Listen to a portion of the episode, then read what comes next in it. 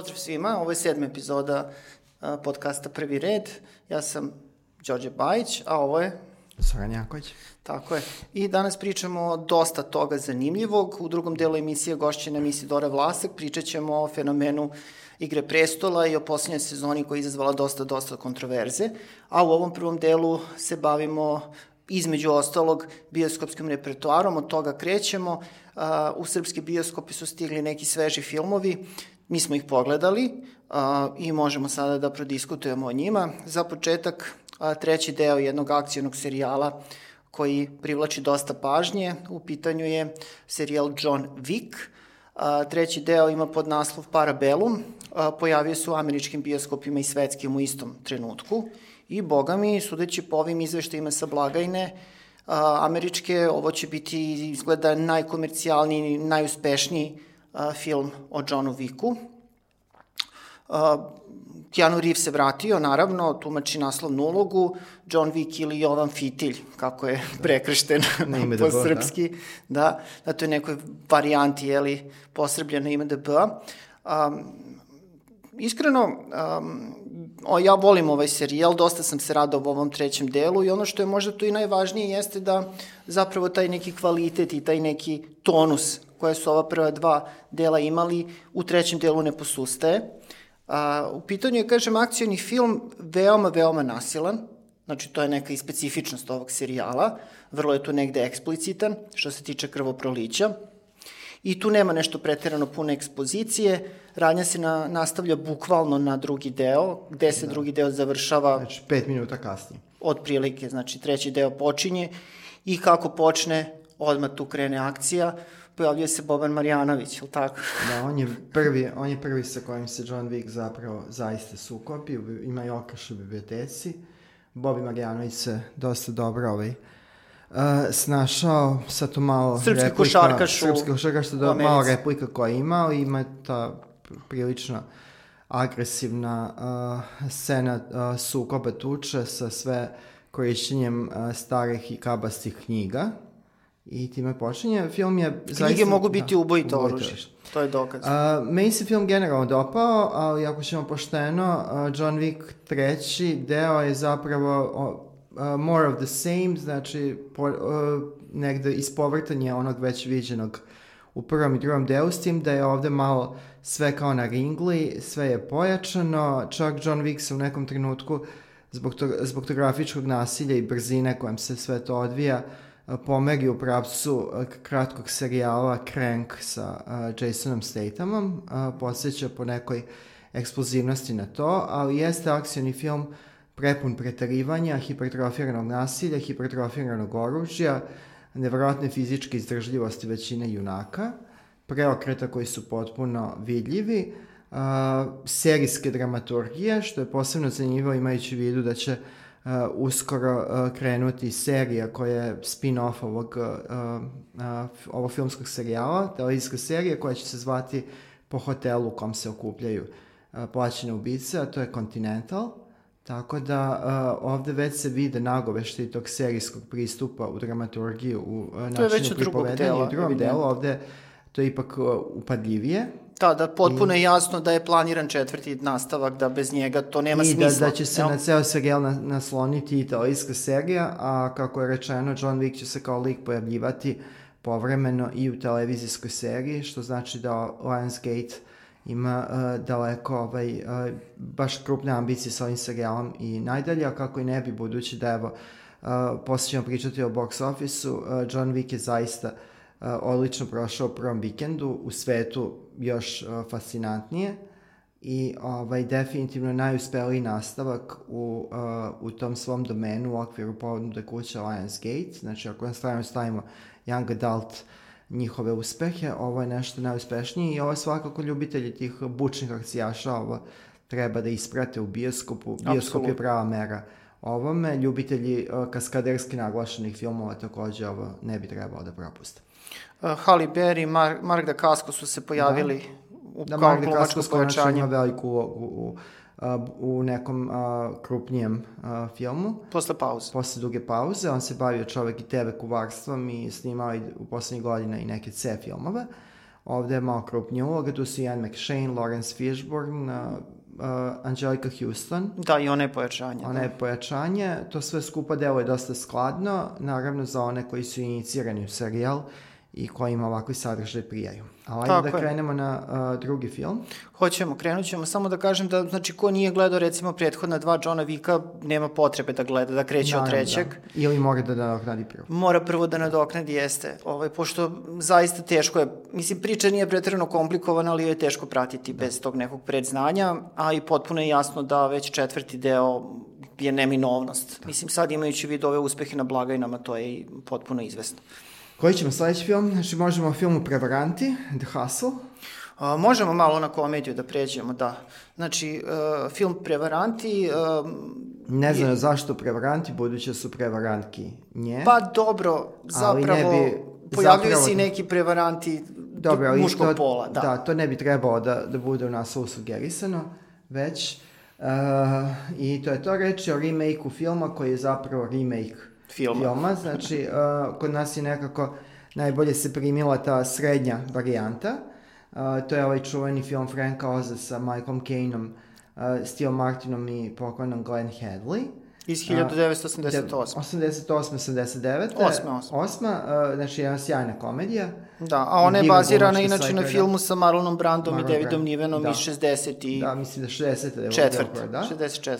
Tako da, uh, ovo je sada uh, feminizovana, odnosno poženljena uh, serija, uh, verzija ovog filma. Ovaj put su Anne Hathaway i Rebel Wilson tu. Re, uh, ako treba bilo kakva svernica, naravno Anne Hathaway se nadovezuje na ono što glumio uh, Michael Caine, a Rebel Wilson gleda čudo na ono što je glumio Steve Martin. Uh, meni je jako prijalo, uh, komedija je zaista duhovita, smešna, ima nekih par scena za, uh, za baš pamćenje, puno je gegova, Rebel Wilson je ponovo sjajna, ona je bila u poslednjih par filma nešto malo jumorna, ovde delo je dosta relaksirano, Anne Hathaway se našla, snašla dosta dobro u ovoj ulozi koja je ipak nominalno prva i u jednaka uloga, ali u senci onoga što je dato Rebel Wilson da radi na nivou komike. Mi smo se nasmejali više puta. Da. Sala je dobro reagovala na film. Naravno. Mislim da ako se uporedi sa recimo ovim filmom iz 88. Ja zapravo ovaj originalni nisam ni pogledao, evo priznajem.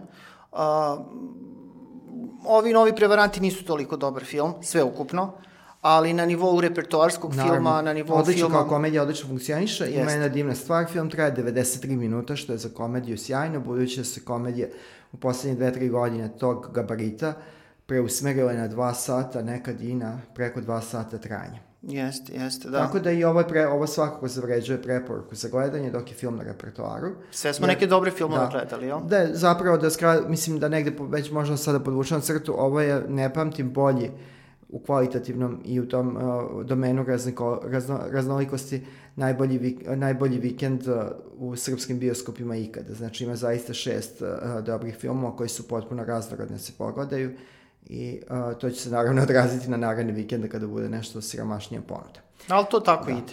Ajde e, da pređemo sada film, na jedan... Koji ćemo treći? Pa ajmo domaći. Ajde domaći. Nebeska tema, dokumentarni film o Vladu Divljanu. Uh, Vladi Divljanu, jeli?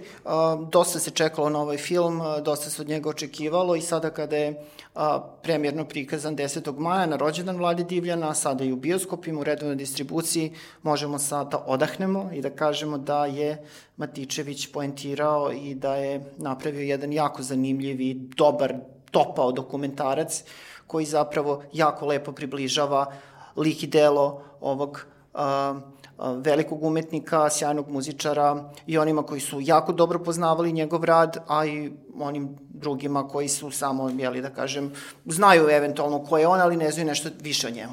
Da.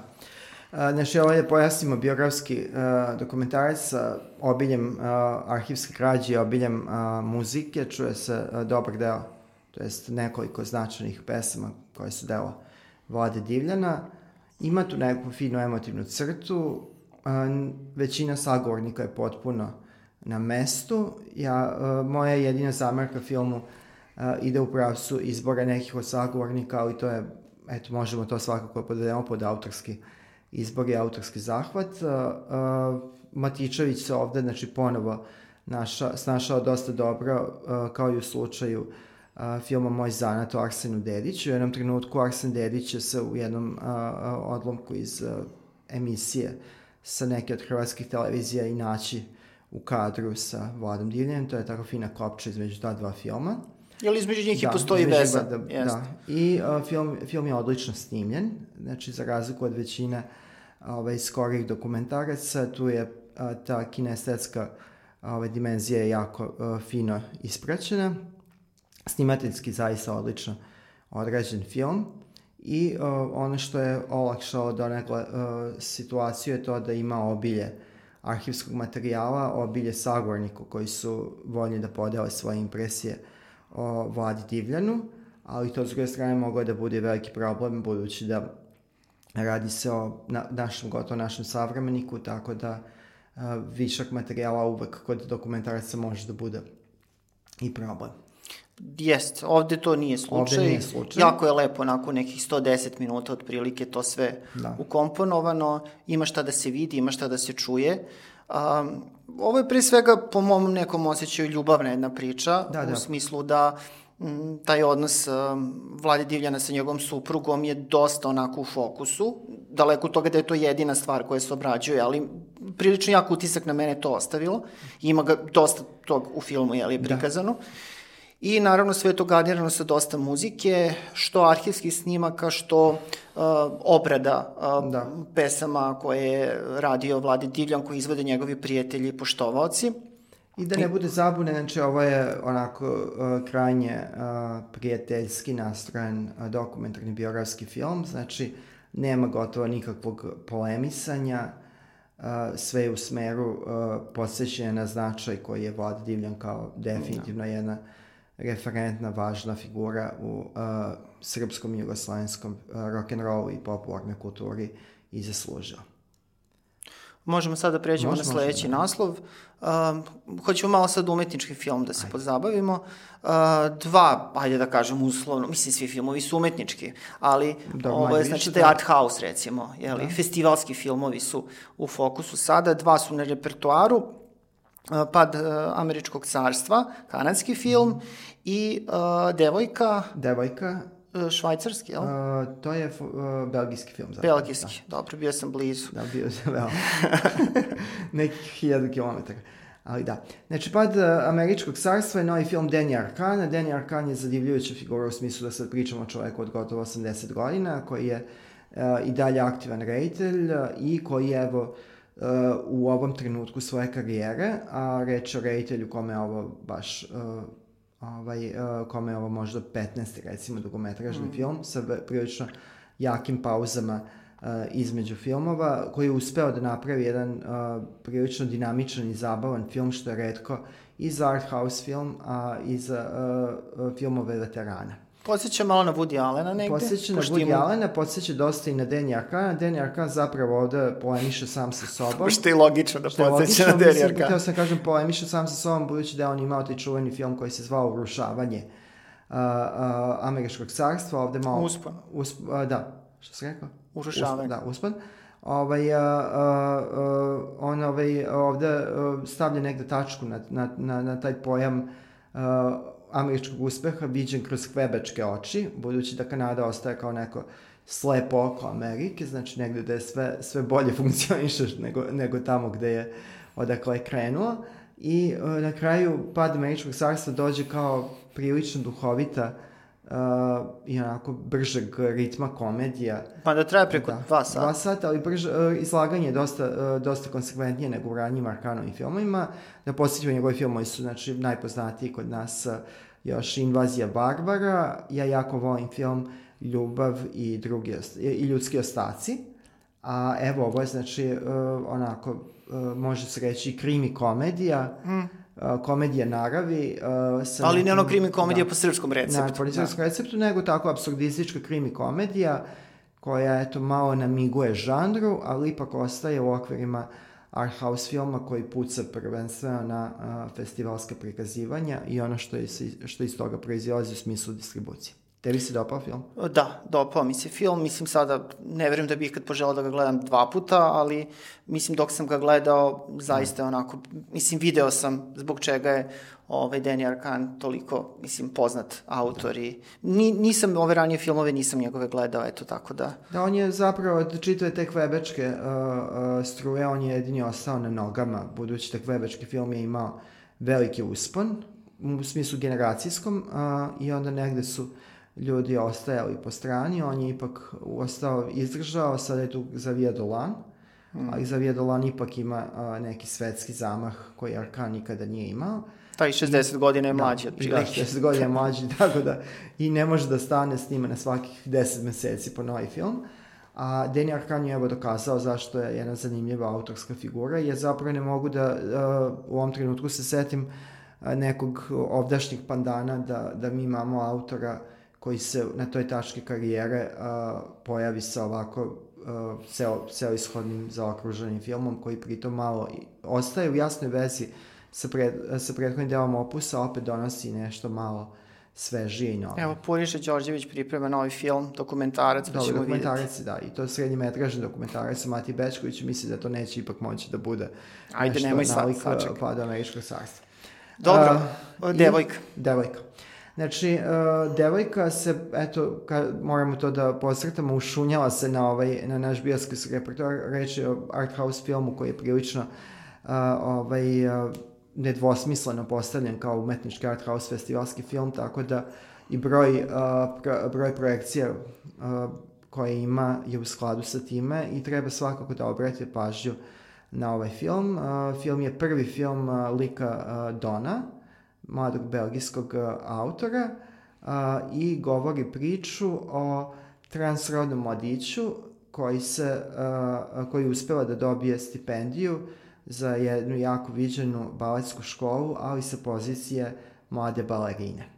I zanimljivo je, budući da je reč o tako veristički, realistično postavljenom filmu, kako film po, povrh svega toga o čemu nominalno priča, o transrodnim identitetima, o konkretnim, praktičnim nevoljama sa kojima se jedna takva osoba susreće, uspeva da pocrta i tu sličnost u tim strogo kodiranim društvenim mikrosistemima, znači unutar našeg doživljaja polnih i rodnih identiteta i sveta baleta, budući da u svetu baleta vladaju neka starostavna pravila.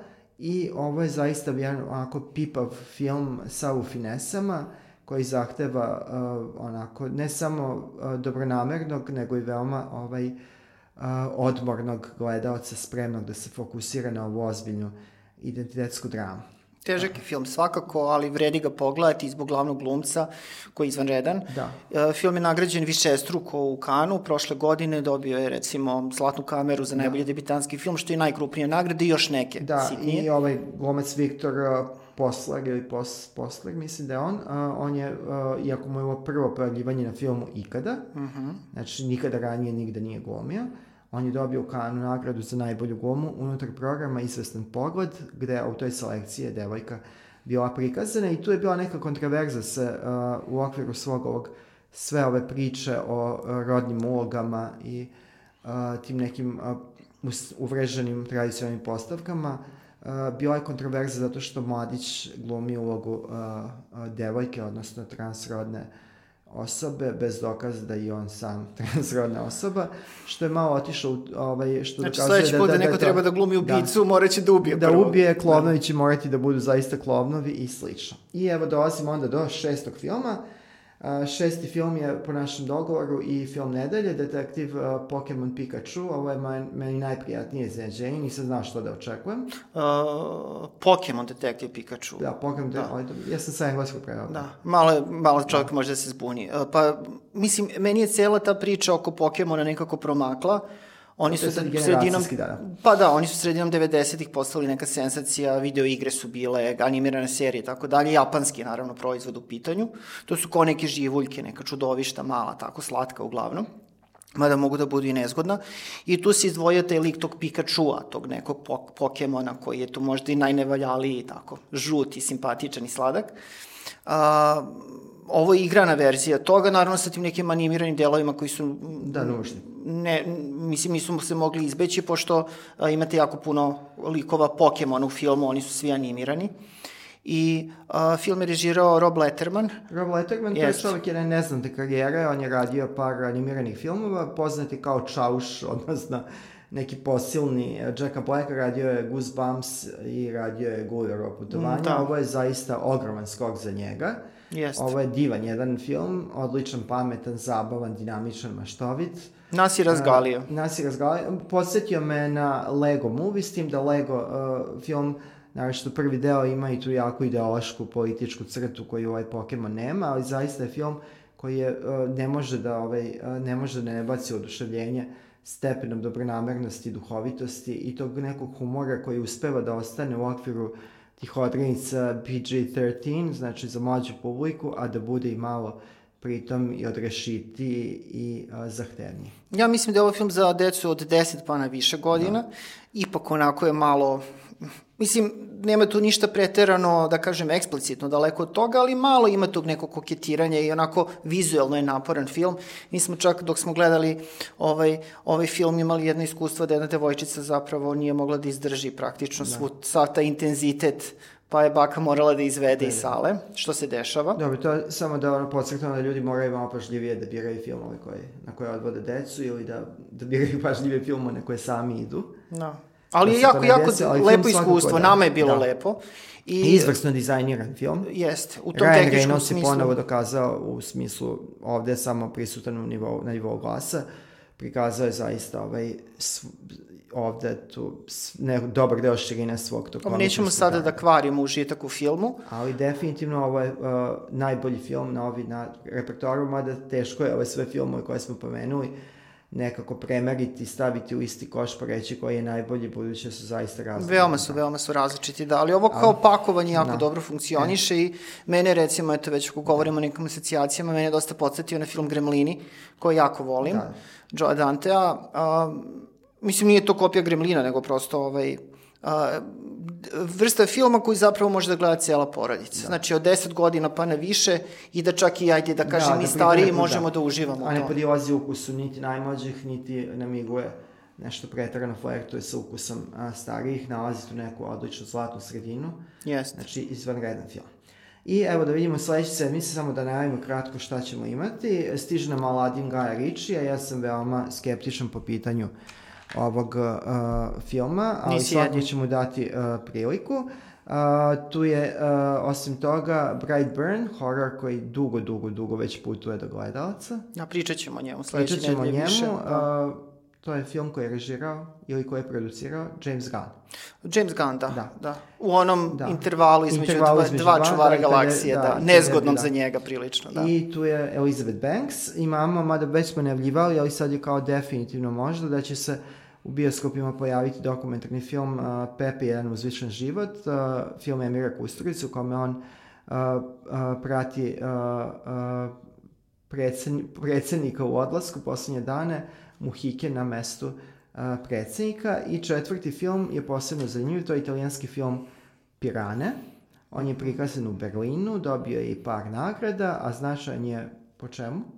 Da je to film koji je nastao po dokumentarističkoj prozi po knjizi autora čuvene knjige Gomora, Salvatora i ovde se radi o tinejdžerima koji uh, zapravo... Radi za mafiju, kao, ubijaju. Radi za mafiju, ubijaju.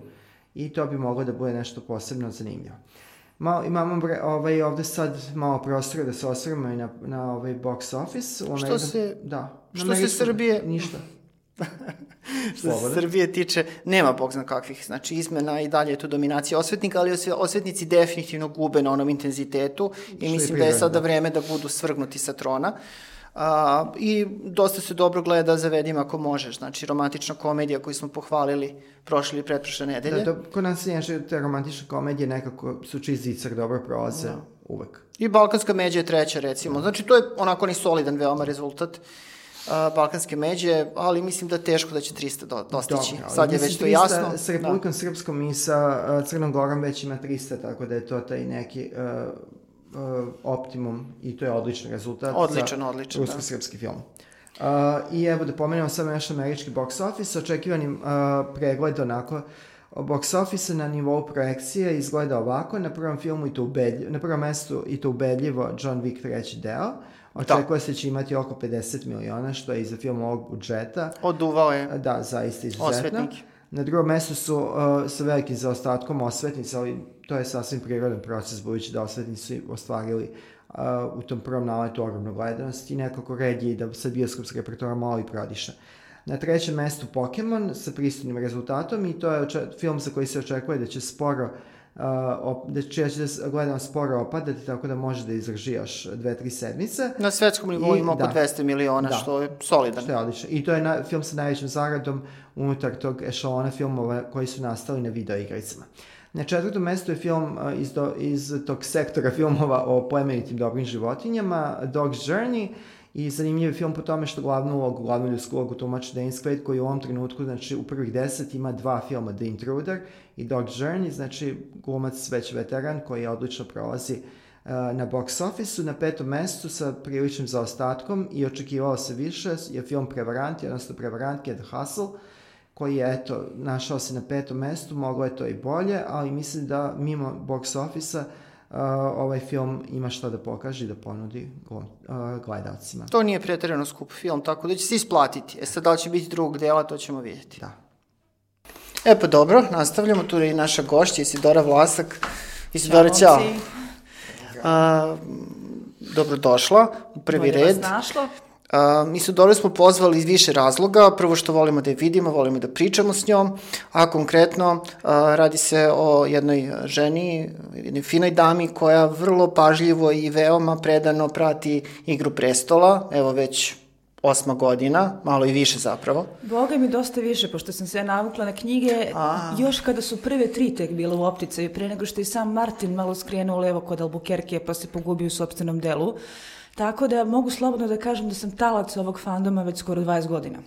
A svaku epizodu poslednje tri godine u svom podcastu, um, da kažem, viviseciraš svaki detalj, obrađuješ to je podcast koji radim sa još dvojicom drugara preko njihovog Soundclouda, zove se Dopisi iz Disneylanda, gde imamo takozvano gotovanje, gde mm.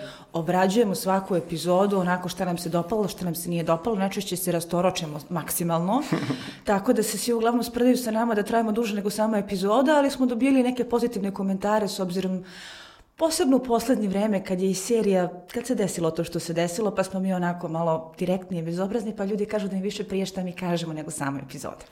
Pričat ćemo, znači ovde ćemo sad nećemo moći baš da, ovaj, da, da pričamo u trajanju cele osme sezone, ali ja onako ćemo jedan, jednu esenciju ovaj, izvući.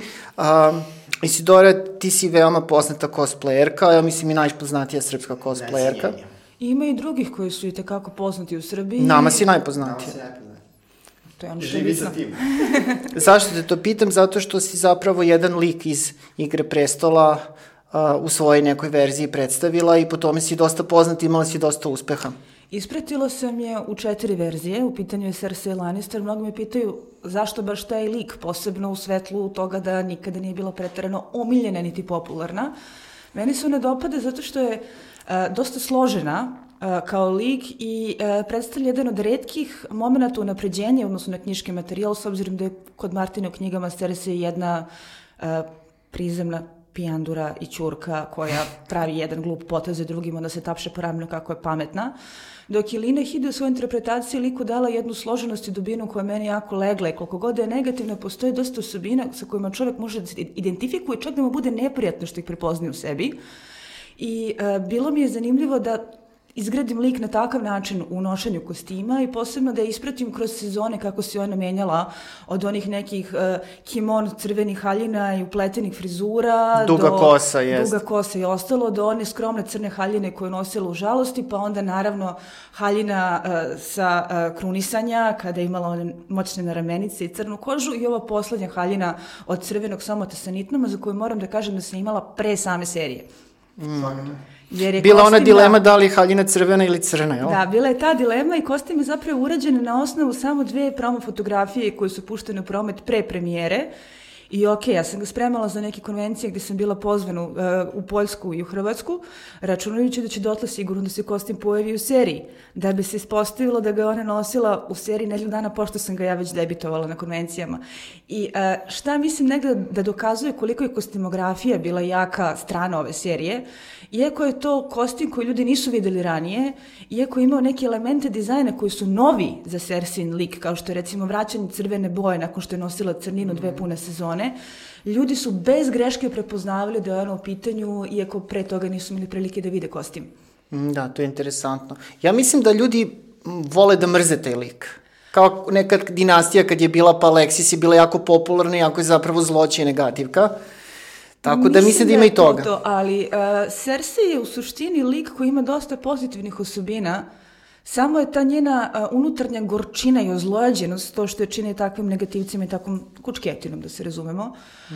A zanimljivo je posmatrati kako kod nekih likova kao što je Sansa, dolazi do poprimanja Cerseinih osobina bez nužno te gorčine koja čini uh, Sansu zlom kao takvom. Ona jeste postala igrač svakako, ali to što je počela da preuzima neke Cerseiine manirizme uopšte ne mora da se posmatra tako negativno. Moš, dosta toga možemo da naučimo Cersei kao što su ponos, snaga i strajnost i to neće... Kako voleti brata? To možda i ne. To možda ostavimo za nekako. Ajde da proširimo onu priču uh, mimo srca i mimo kostima i cosplaya, znači ajde da vratimo se na tu tačku ove priče. Šta je problem, ili odnosno kako te doživljavaš ovo što je do sada bilo prikaz u ovoj sezoni Game of Thrones? Problem je, lični, ili problem, moje lično mišljenje, šta, uh, nije problem šta, nego kako. Kako, ali šta, šta je problem unutar to kako? Unutar to kako su neki jako pametni ljudi pisali po Twitterima ovih dana i e, taj e, Twitter string je trendovao tako da e, moram priznati da sam tu shvatila šta sam zapravo pokušavala da kažem već duže vremena, a neko je to sročio bolje i pametnije nego ja. Došlo je do kleša između Martinovog izvornog pisanja i ovoga što su oni pokušavali da e, obrade prilikom adaptacije tako što su njegovo uh, delo koje se jako rasplinulo, koje su poslednje dve knjige strašno muči sa konzistentnošću radnje, sa time da imamo previše sporednih likova, previše sporednih zapleta, da se on sam osetno pogubio ko tu pije i ko plaća i da uh, je I glavni razlog što knjiga toliko kasni to što se uh, vrlo tužno osjeća da autor više ne može da ima kontrolu nad svojim delom kako ima u prvim knjigama kad je to bilo mnogo koncentrisanije. To što je on napisao u poslednje dve knjige i što ja mislim da mi kraj nikad nećemo videti, to je bilo ne, ne filmično. Ti sa time nisi ništa mogo da radiš. I kada su autori, čuveni D&D dvojac, shvatili šta moraju da urade, posebno što njima Martin jeste ispričao šta treba da se desi na kraju, oni su uhvatili potpuno promenili pristup. Twitter zove dve škole pisanja panceri i ploteri. Uh, sam Martin je koristio jedan drugi izraz koji mislim da je mnogo prilagodljiviji na srpskom jeziku, a to su baštovani arhitekte. Baštovani poseju svoje seme i gaje svoju baštu i nemaju pojma šta će da nikne i onda to tako buja i bude divlje i oni zajedno sa likovima otkrivaju svoju radnju i smišljaju priču u toku samog postupka pisanja. Arhitekte su oni koji od početka vrlo dobro znaju koje su tačke zapleta kroz koje moraju da prođu, kakav ishod žele da dobiju i nemilosrdno prilagođavaju postupke likova sa time. Bartin je baštovan, ovaj dvojca su arhitekte. Uh, onog sekunda kada su oni preuzeli kontrolu nad narativom, oni više nisu mogli da na jednako kvalitetnom nivou izvuku tu psihološku složenost likova, nijansiranost pripovedanja, uh, tu uh, sivu zonu moralnosti i sve to što je praktično dekonstruisalo high fantasy kao žanra i privuklo čitaoce Martinu i samim tim predstavljalo najjaču stranu prvih sezona serije i krenuli da vrlo tvrdo uprkos prirodnom razvoju likova furaju ka onim tačkama zapleta kojim je Martin dao da moraju da štikliraju. I otuda dolazimo do nekih potpuno nebuloznih elemenata u uh, radnji, koje kad čovek sedne pa razmisli, zapravo imaju smisla. I ja sam zaista duboko uverena da to što mi sada gledamo jesu Martinove beleške instrukcije kako će onda završi radnju, ali način na koji su došli do toga deluje neprirodno odnosno do sadašnje razvoje likova i deluje potpuno a, nategnuto i kao da se ide na šok efekt radi šoka. Ako ćemo da uporedimo dve stvari koje su onako prilično izazvale dramu u fandomu. Jedno je čujena crvena svadba Red Wedding, a drugo je ovo što se desilo u poslednjoj epizodi, da sada, jer nema da U petoj. spolujemo. U petoj. Ajde ovako da se dogovorimo da još uvek ne spojlujemo. Još malo da popričamo i onda ćemo upozoriti gledalci i slušalce da kreću spojleri. Pa, Reći ću samo da. onda ono što se desilo sa Daenerys u petoj epizodi. No. da uh, Red Wedding dolazi kao nešto što jeste šokantno, jeste traumatično i predstavlja nešto što većina gledalaca nije želela da vidi, jer su svi navijali za Roba Starka i za kralja na severu i tako dalje. Ali opet kada napravimo korak unazad, to su sve prirodne posledice njegovih postupaka i grešaka koje su sistematski pravljeni i možeš samo da kriviš likove, ne i pisce. Na drugoj strani, ovo što se desilo je toliko izveštačeno, napakovano i nategnuto, da iako a, kad se odmaknemo, narativno predstavlja jako smeo obrt i nešto što je, se meni suštinski dopada kao ideja, I meni.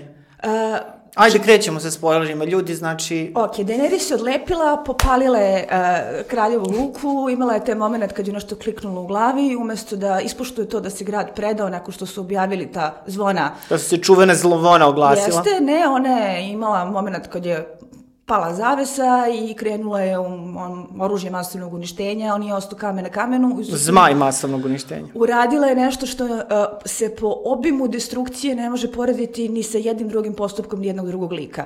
Znači, praktično smo imali bait and switch narativnu strukturu, odnosno navučeni smo na to da od prve sezone posmatramo nju koja se razvija kao heroj, da bismo u jednom trenutku shvatili da sve vreme gledamo to kako je put do pakla popločen najboljim namerama i kako lik za koga smo trenirani, manipulisani i navučeni da navijamo je zapravo vremenom postao tiranin opsednut vlašću koji želi samo da gradi kult ličnosti da svi obožavaju i kada nije to u stanju da dobije, prelazi granicu na ovaj način. To je idejno, sjajno. To je idejno nešto iza čega ja mogu da vidim pisca kao što je Martin da stane i da je to put koji on sprema i likuje svoje knjige.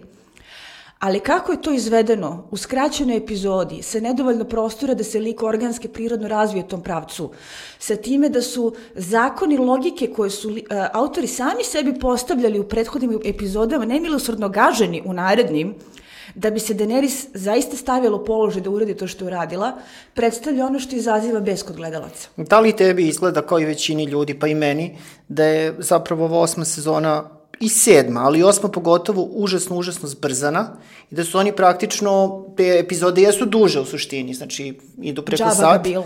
ali u suštini to je nedovoljno vremena da se to razvije i da jednostavno imamo bacanje likova onako, jeli, što ranije nije bio slučaj. E, ne bih se složila. Mislim da je to bio slučaj od onog sekunde kada su oni shvatili da moraju da preuzimaju uh, Martinov narativ i da sami smišljaju uh, dalje Šesta tok radi. sezona, jel?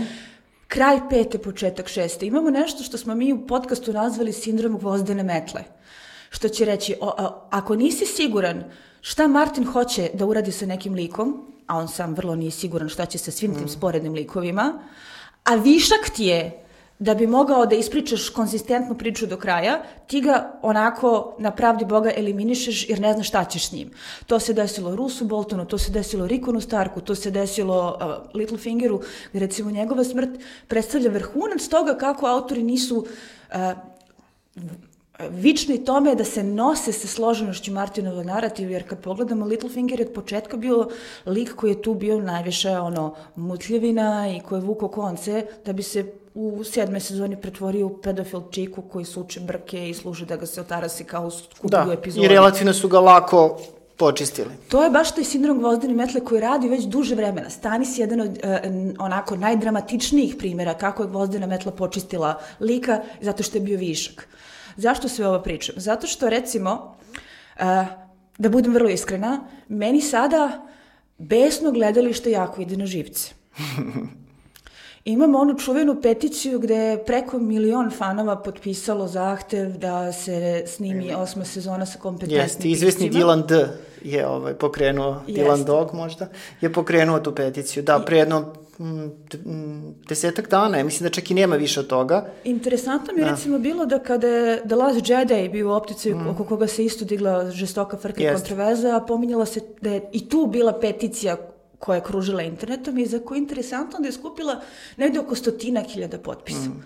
U mnogo manje vremena ova peticije stigle do milion. To nam govori i o globalnoj sociološkoj fenomenologiji Game of Thrones. To je ogroman fenomen. To je ogroman fenomen. Dobro, ajde podsjetimo, znači, meštani Kučeva su krajem 90-ih pisali peticiju Da a, pusti Kasandru iz zatvora. Venecijanskom predsjedniku da pusti Kasandru iz zatvora, tako To, da. to, Znači, pop to kultura je taj men, znala da- znala mentalitet, da- ali da- uh, Samo ne u ovom...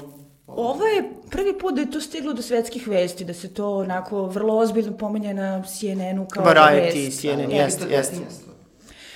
Prilično. Uh, a Ali to eksplikacija Dilanova je prilično na mestu. Znači on kaže otprilike, ja i ne očekujem sada da se tu nešto desi, ali kao prosto moj neki osjećaj je bio da ovo treba pokrenuti i na taj način skrenuti pažnju da ovo nije u To redu je što in se... your face za autore, posebno zato što nakon ovoga treba da pređu na neke veće franšize, ali da se vratim na svoju poentu, zašto sam negde onako kolutam očima na fandom, uh, problemi su počeli mnogo ranije.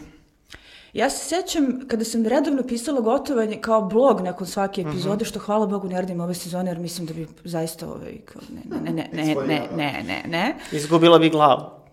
Ove, uh, I kada je bila čuvena bitka kopila The Battle of the Bastards, kada Jon Snow konačno pobedi Ramsaya Boltona. Ta epizoda je bila jedan primer scenarističke imbecilnosti, zato što je sve natrpavano sa idejom da se veštački napravi tenziju koju svi bitni likovi nose takozvani plot armor, što će reći da ne mogu da poginu, i što ide protivno osnovnim Martinovim zakonima pripovedanja koji kažu plaćaš posledice za gluposti koje činiš. Ako se ponašaš kao idiot, nagrabusit ćeš kao idiot.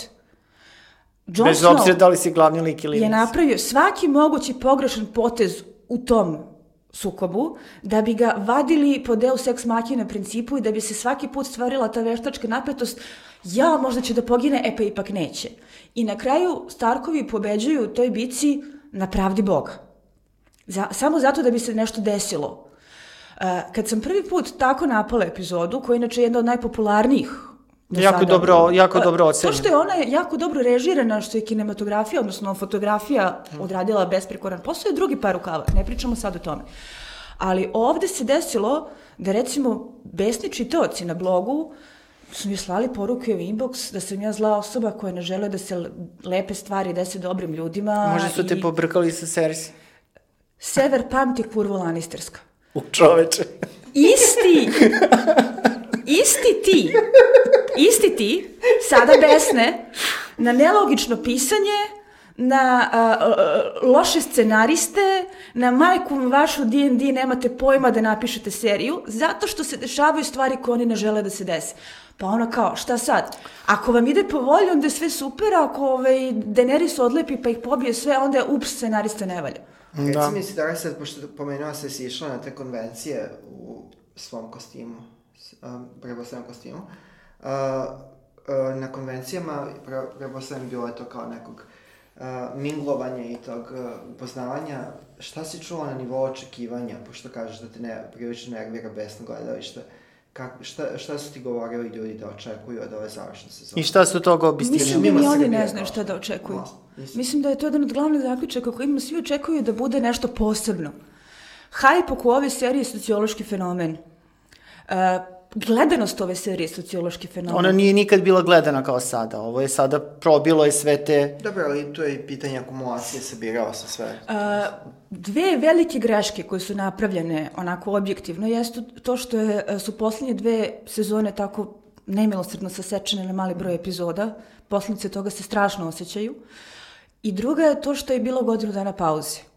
Ti godinu dana pauze shvatam da je vršilo svoju funkciju toliko što je trebalo snimiti sve to, ali na drugoj strani uh, hype koji uh, je podizan, a istovremeno je dovoljno velika pauza da čovjek može da ono isfantazira svoje fan teorije po Redditu, uh, projektuje sve i svašta, ali isto tako i da negde strast uđemo u tu neku kontradikciju da je malo i popustilo, ali da i nikad nije bio jači hype, je stavio poslednju sezonu u vrlo nezavidan položaj, plus to što Martin nije završio knjige, što mislim da ih nikad neće završiti, Misliš da neće? apsolutno sam sigurna. Idu na razne teorije zavere da sedi na gotovim rukopisima i čeka da ovi završe seriju da im pokaže, e, ovako se to radi.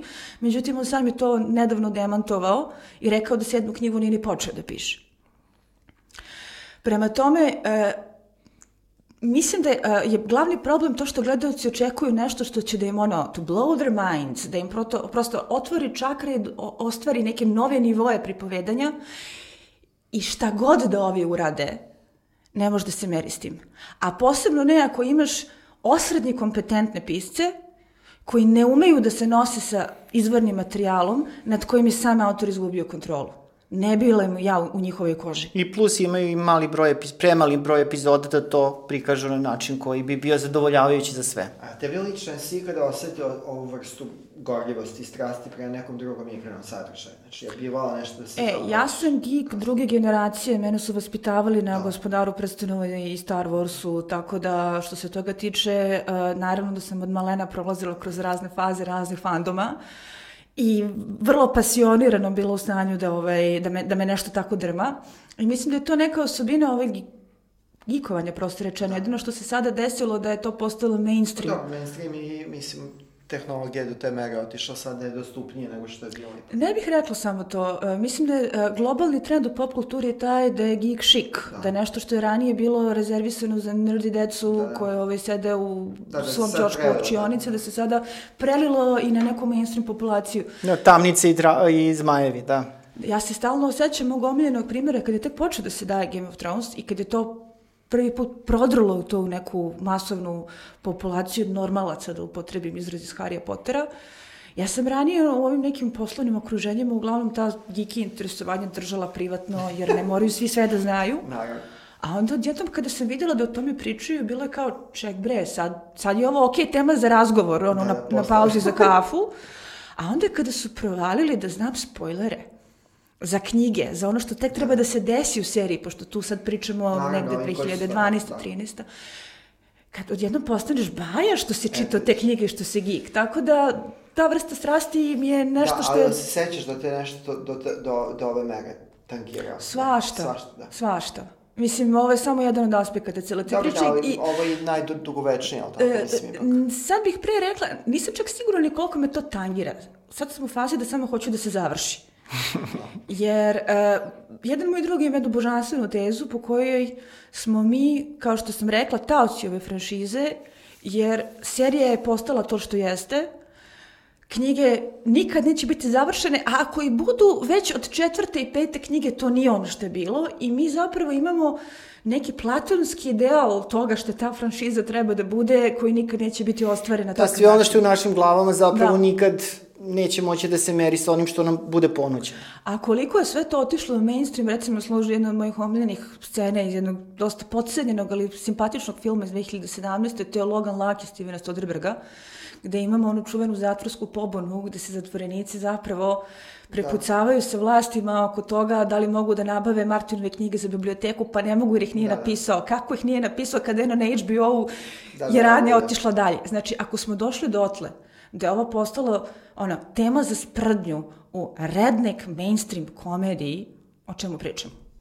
Fenomen. Fenomen, zaista. E, ajde ovako, ovaj, ovde je Jamie ruka. Da, to je inače pravio moj drug Vlada, koji radi cosplay Jamie-a pored moje Cersei, Divna a ruka. ja sam je slikavala. Divna je stvarno, baš vrlo deluje autentično. I ta ruka se pojavljivala, nestajala. Dosta je bilo tih nekih tehničkih propusta. E, to što sam videla za uh mhm. -huh. Jamie u ruku, Uh, to je sa fotografije. U samom kadru u epizodi uh, sečano je nešto iznad uh, u visini grudi, tako da se ne vidi da ne vidi se, da. ruka bez proteze zapravo njoj ako struka. Ali oni čuveni Starbucks je bio. Starbucks je tu, ali i, i to je moment fanovskog licemerja, Jer uh, kako su ljudi išli unazad, naš, nađeno je milion takvih McDonald'sa. uh, na uh, jednom od kraljevskih venčanja Jamie Lannister isto drži kafu u ruci sa obe ruke. Uh, pa je onda recimo Stanis u trenutku kada čuči u snegu, vire mu, vire mu kablovi kako je imao sistem za grejanje kostima. Da, da. Da, da komplikovane da... to serija, pa su te greške. Bilo je toga i ranije. Jel sa Starbucksa na kraju to bilo namerno urađeno ili... Ne znam da li to bilo namerno urađeno. Pa navodno ne, na, navodno mislim. Navodno nije, ali... navodno uklanjeno brže bolje, ali ono što hoću da kažem jeste da se sada to potencira. Dobro, i su sad nego što su bili A, o, I od toga se pravi velika drama, dok se ranije to provlačilo kao ha ha mim. Da, dok je ljudima odgovaralo na što da, gledaju, da. nisu se previše bunili kada neka sitnica, jeli se desi. Jel ima oni koji ima ovo odgovara? Uh, misliš ova osma sezona? Da, osma sezona, ali ima tih nekih struja. Uh, Ima, ima, ima. jako uh, usamljenih glasova kojima to odgovara, ali uglavnom se dešava da ove, ako i kažeš da ti se dopada, najčešće ti kažu da si kreten koji nemaš pojma. I da se gore sve pamti. Da. Ove, interesantno recimo da je Stephen King bio taj koji je prvi podržao uh, O, odluke koje su donete. Steva i- Kralj. Steva Kralj. Mislim, i vraćamo se na to, većina kritičara ozbiljnijih, znači ljudi koji nisu tu kao pasionirani fanovi koji su se investirali u lika, dali detetu ime Kalisti, tetovirali Daenerys Targaryen između plećaka, pa im je sad sve to pošlo naopako. Sad je ispalo da su mogli Ratka Mladića isto bi bilo. Otprilike. Da. Ove, ja, mimovi. To mi je onako bilo uveselio. Mimovi su genijalni. Jeste. Da, znači, ako ni zbog čega drugog, onda je vredao sve zbog vina. Ali, a, znači, ljudi koji to malo onako stručnije prate se uglavnom slažu sa time da je, što se tiče a, odluka, što se tiče radnje kad je nekom prepričate, sve to zvuči super. A kad se gleda, ne pije vodu. Ja iskreno, eto, mislim da se, da se osvrnem vrlo kratko na neke svoje impresije. Uh, prilično sam bio zadovoljan ovom trećom epizodom, koja ima svojih mana, definitivno, ali je stvarno spektakularna. Mislim, Ona u mraku. ona u mraku, da, na mom monitoru je bilo ok. Ja sad ne znam da li sam ja to nešto podesio kako je trebalo, ali stvarno nisam, mislim, Game of Thrones se često i dešava u mraku, postoji mnogo tih noćnih scena, ovde je samo čitava epizoda u, u tom ključu. A, meni to nije smetalo lično, A, vidim da su se dosta ljudi žalili, ali u suštini sve što je trebalo da se vidi, videlo se, pošto u suštini ovo jeste zapravo jedna horor, jedan horor film unutar Igre prestola sa ledenim zombijima, zmajevima i tako dalje. Tako da, u tehničkom smislu je bilo besprekorno, po mom nekom mišljenju. Što se tiče scenarija, nekoliko vrlo zanimljivih momenta. Ovo sa Melisandrom mi se jako dopalo kako je urađeno, na primjer. I nekoliko tih likova imalo neke svoje smrti koje su očekivane možda, ali u suštini to je ono što su možda i ljudi želeli da vide. Jel? Ne onako kako su želeli da vide. I to opet se vraćamo na to. Oni ne znaju šta hoće, a hoće nešto. I hoće ga odmah. Mm. Jer recimo, a, posle druge epizode, koja je interesantno najbolje ocenjena, U meni je dru- druga bila prilično slaba, da. ali e, sad ću ti kažem zašto mislim da je to slučaj. Zašto je druga epizoda najviše legla među e, tim nekim najostrašćenijim fanovima kad smo onako pričali e, van van, a mamu im njihovu šta su radili od moje lepe serije. Zato što se u njoj ništa ne dešava. Pa da, još je sve moguće zapravo. Sve je otvoreno. sve moguće, doveli smo sve voljene likove na jedno mesto, dali smo im pristojno napisane replike, koje onako dosta svode račune gde smo bili, šta smo radili za ovih osam i po sezona, kako smo se zatekli tu gde smo se zatekli. Ima onaj jako dobar muzički moment sa pesmom koja je opravdano postala hit Jenny of Allstones, zašto ja mislim da je posljednja tako dobra stvar koju će Thrones da da, da se svima univerzalno dopada. Florence, jel? Florence, da. E, i- Zoran voli tu grupu, jel da? Pa da, da, vola se. Baš im je dobra, ovaj, e, dobra njihova verzija te pesme i e, daje ono što je celoj sezoni i ovi prethodni onako bolno nedostajalo. A to je ljudi koji sede i pričaju. Pa pričali su, boga mi, u prvoj epizodi osme Ne na sezone. taj način. U prvoj nisu pričali, u prvoj su recitovali.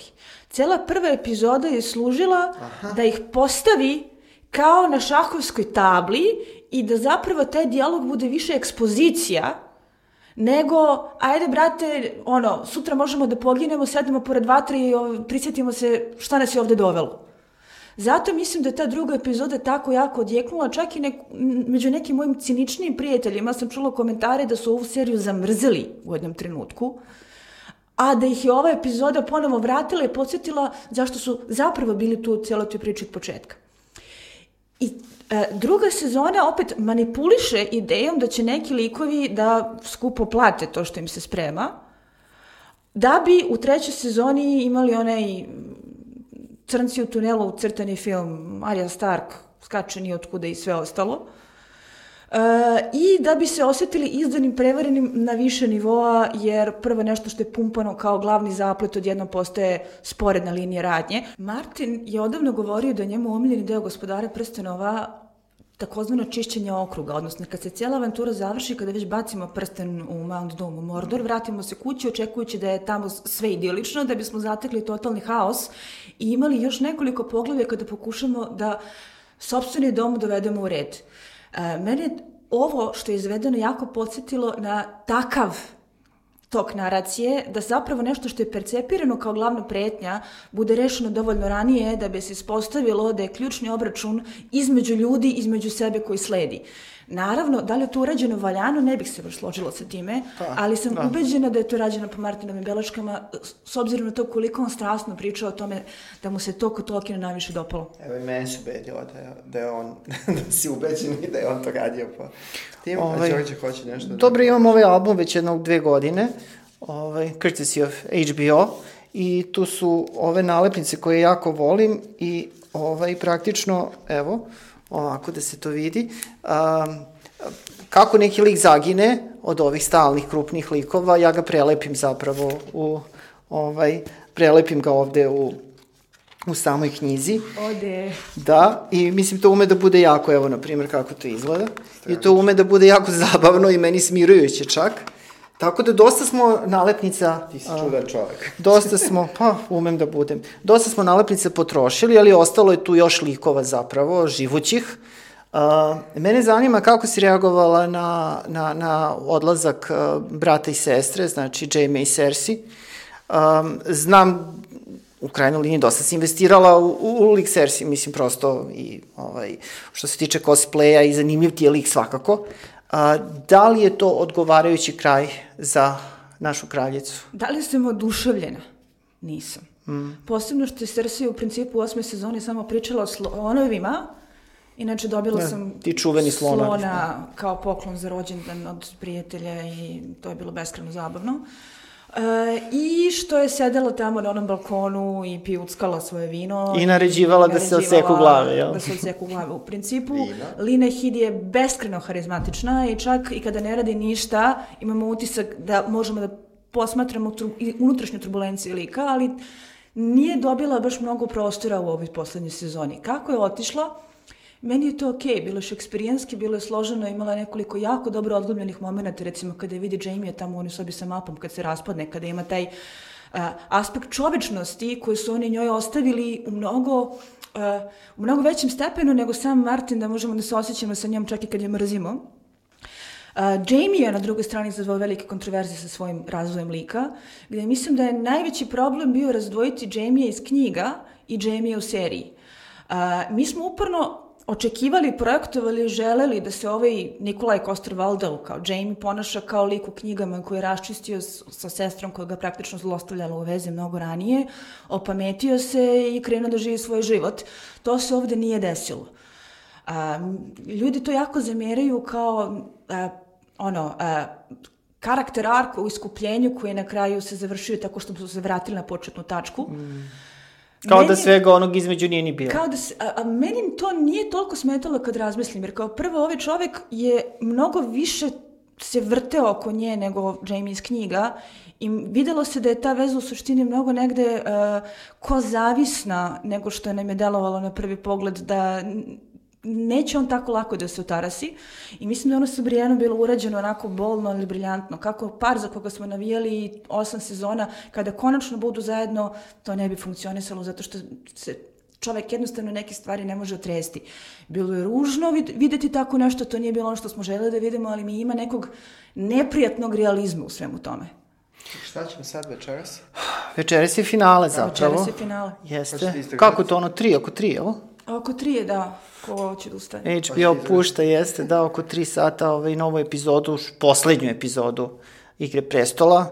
Uh, 83 minuta otprilike trajanje, tako nešto. Uh, koliko će sad, koliko tu po tvom nekom mišljenju ima manevarskog prostora da se neke stvari... Previše malo.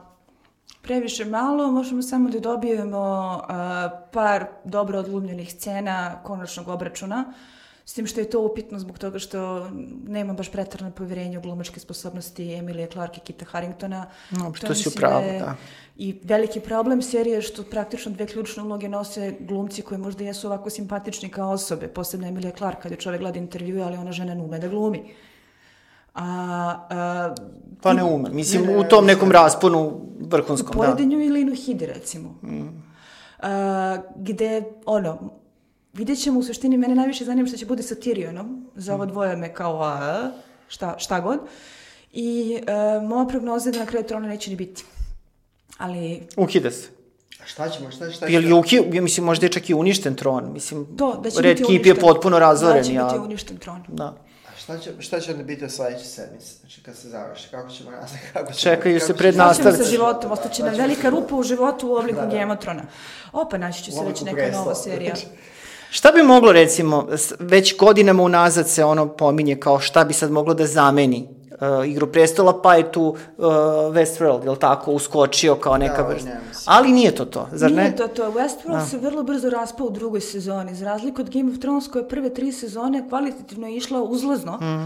i e, samim tim širila e, ono, populaciju gledalaca. Pa Dobro, da, i ovo je malo intelektualistički sadržaj Westworld u stavku. Westworld, Postavljen pitanje je šta tako, će... da. Moj problem je što je to malo onako f- lažna intelektualizam. Više je to dobro, pozera i... Dobro, ali jasno je da to, to nije suptilna- fenomen tog ranga, ni približno, to je sad već jasno. toga koji ima Igra prestola. Ne, ne, U smislu privlačnosti. Videla sam da se pominju Da. kao uh, sledeći potencijalni naslednici ovaj, uh, od Filipa Pullmana, His Dark Materials, kao serijal koji je pokušao da se ekranizuje kao film pa propo. Ko zna šta će tu da bude. Onda imamo Watchmene za koje se čovjek pita zašto ih pravimo uopšte. Pa oni trailer baš nešto, da. Mm. Ali uh, ono što je meni interesantno je sad da je sad zapravo... A šta misliš o Vežcu?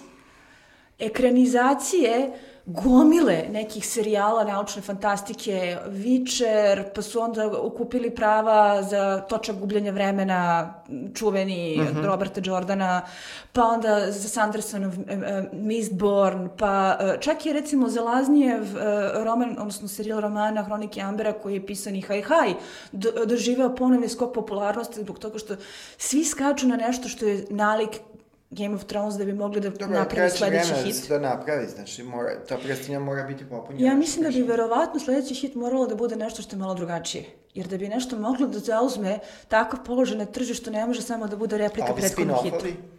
Spin-offovi su u pripremi, ali u suštini, koliko sam ja shvatio, ništa nije konkretizovano, da su rekli bit će to, to i to. Jeste, počela je snimanje Jeste. jednoga koje treba da se dešava... E su otkrili, Uh, kao daleki prikvel koji se bavi još drevnom Valirijom. Mm. Navodno će tu da daju neko objašnjenje za šta bi sa Night Kingom, pošto to u ovoj seriji dobili nismo.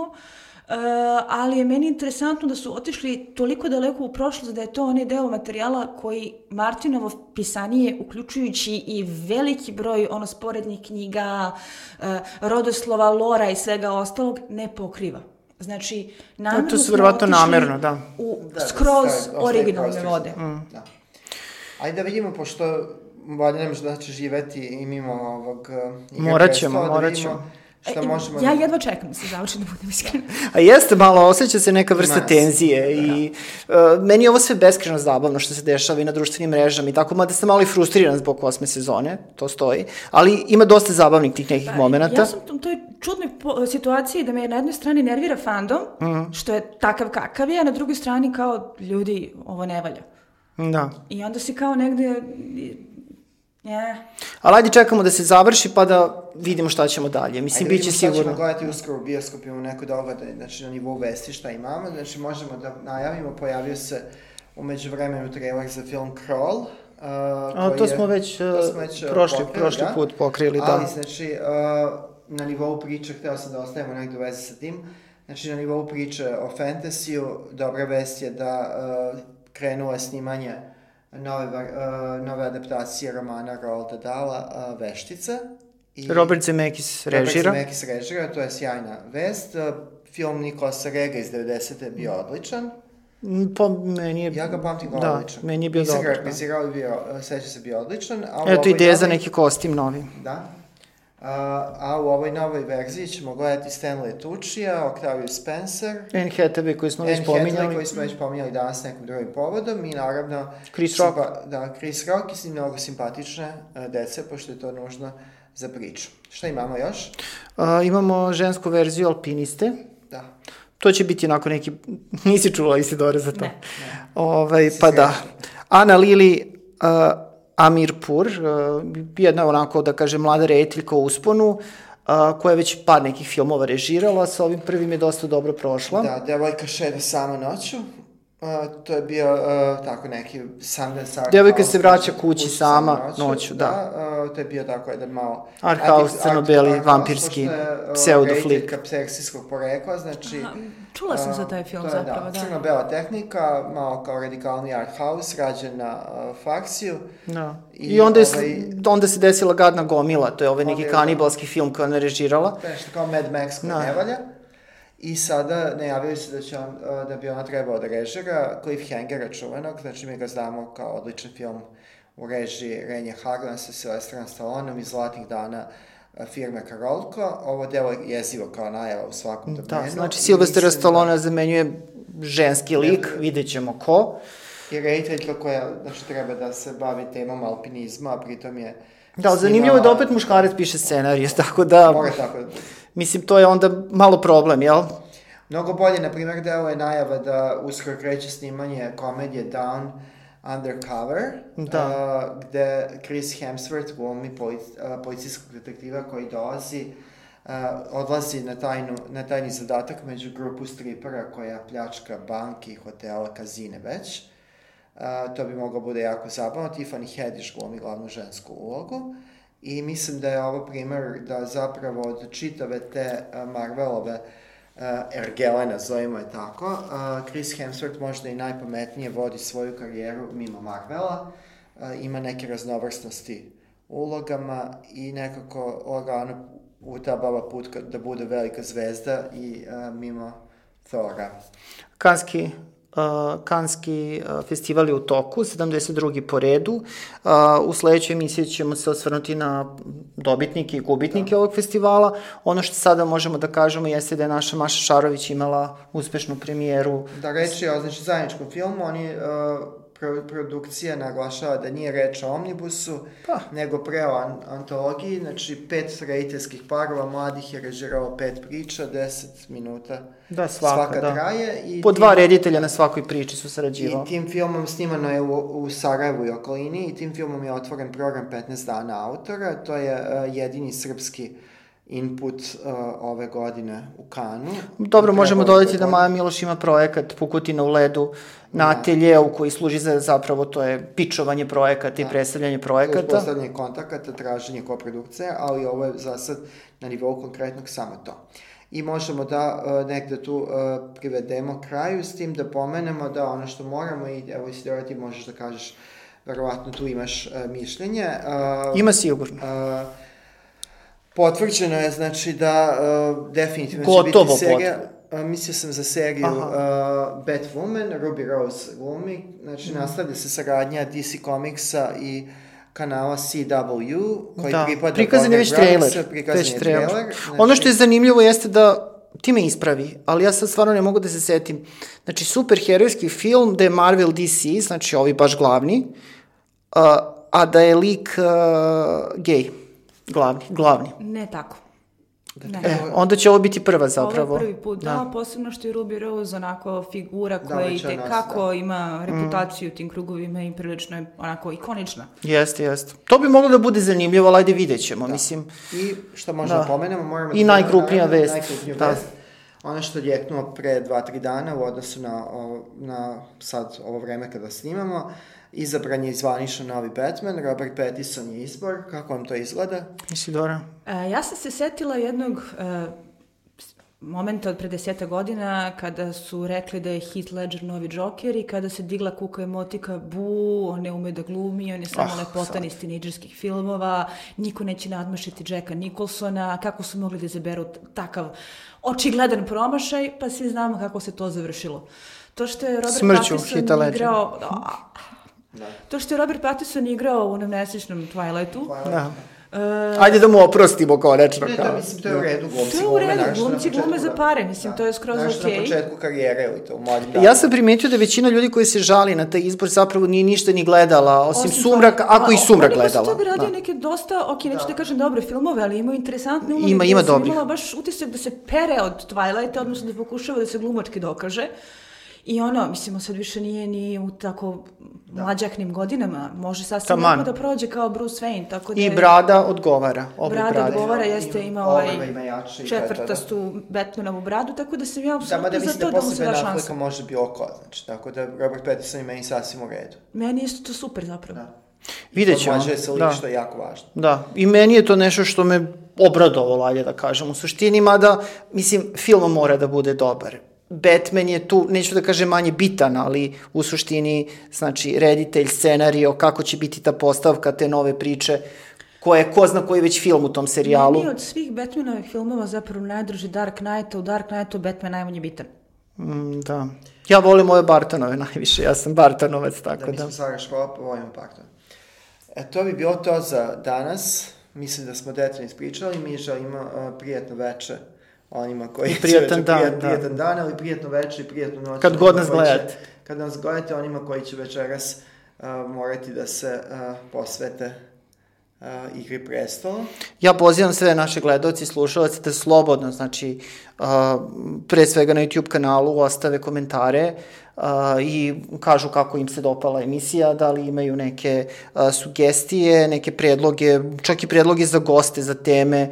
Mi ćemo vrlo rado to pogledati i uzeti na razmatranje. Naravno, i server sve pamti, to smo danas naučili. Da se zahvalimo Isidori i da pomenemo da Isidora uh, vodi svoj podcast na temu Game of Thrones, tako da sigurno će Jeste. biti još jedan podcast. Milja se- Nemanja i ja, dopis iz Disneylanda, tu ćete nas naći i detaljno ćemo secirati finale ako hoćete da čujete naše vrlo ostrašćeno mišljenje, znate gde da nas nađete. Odlično. Hvala ti Isidora. Hvala, hvala. Hvala vama na pozivu.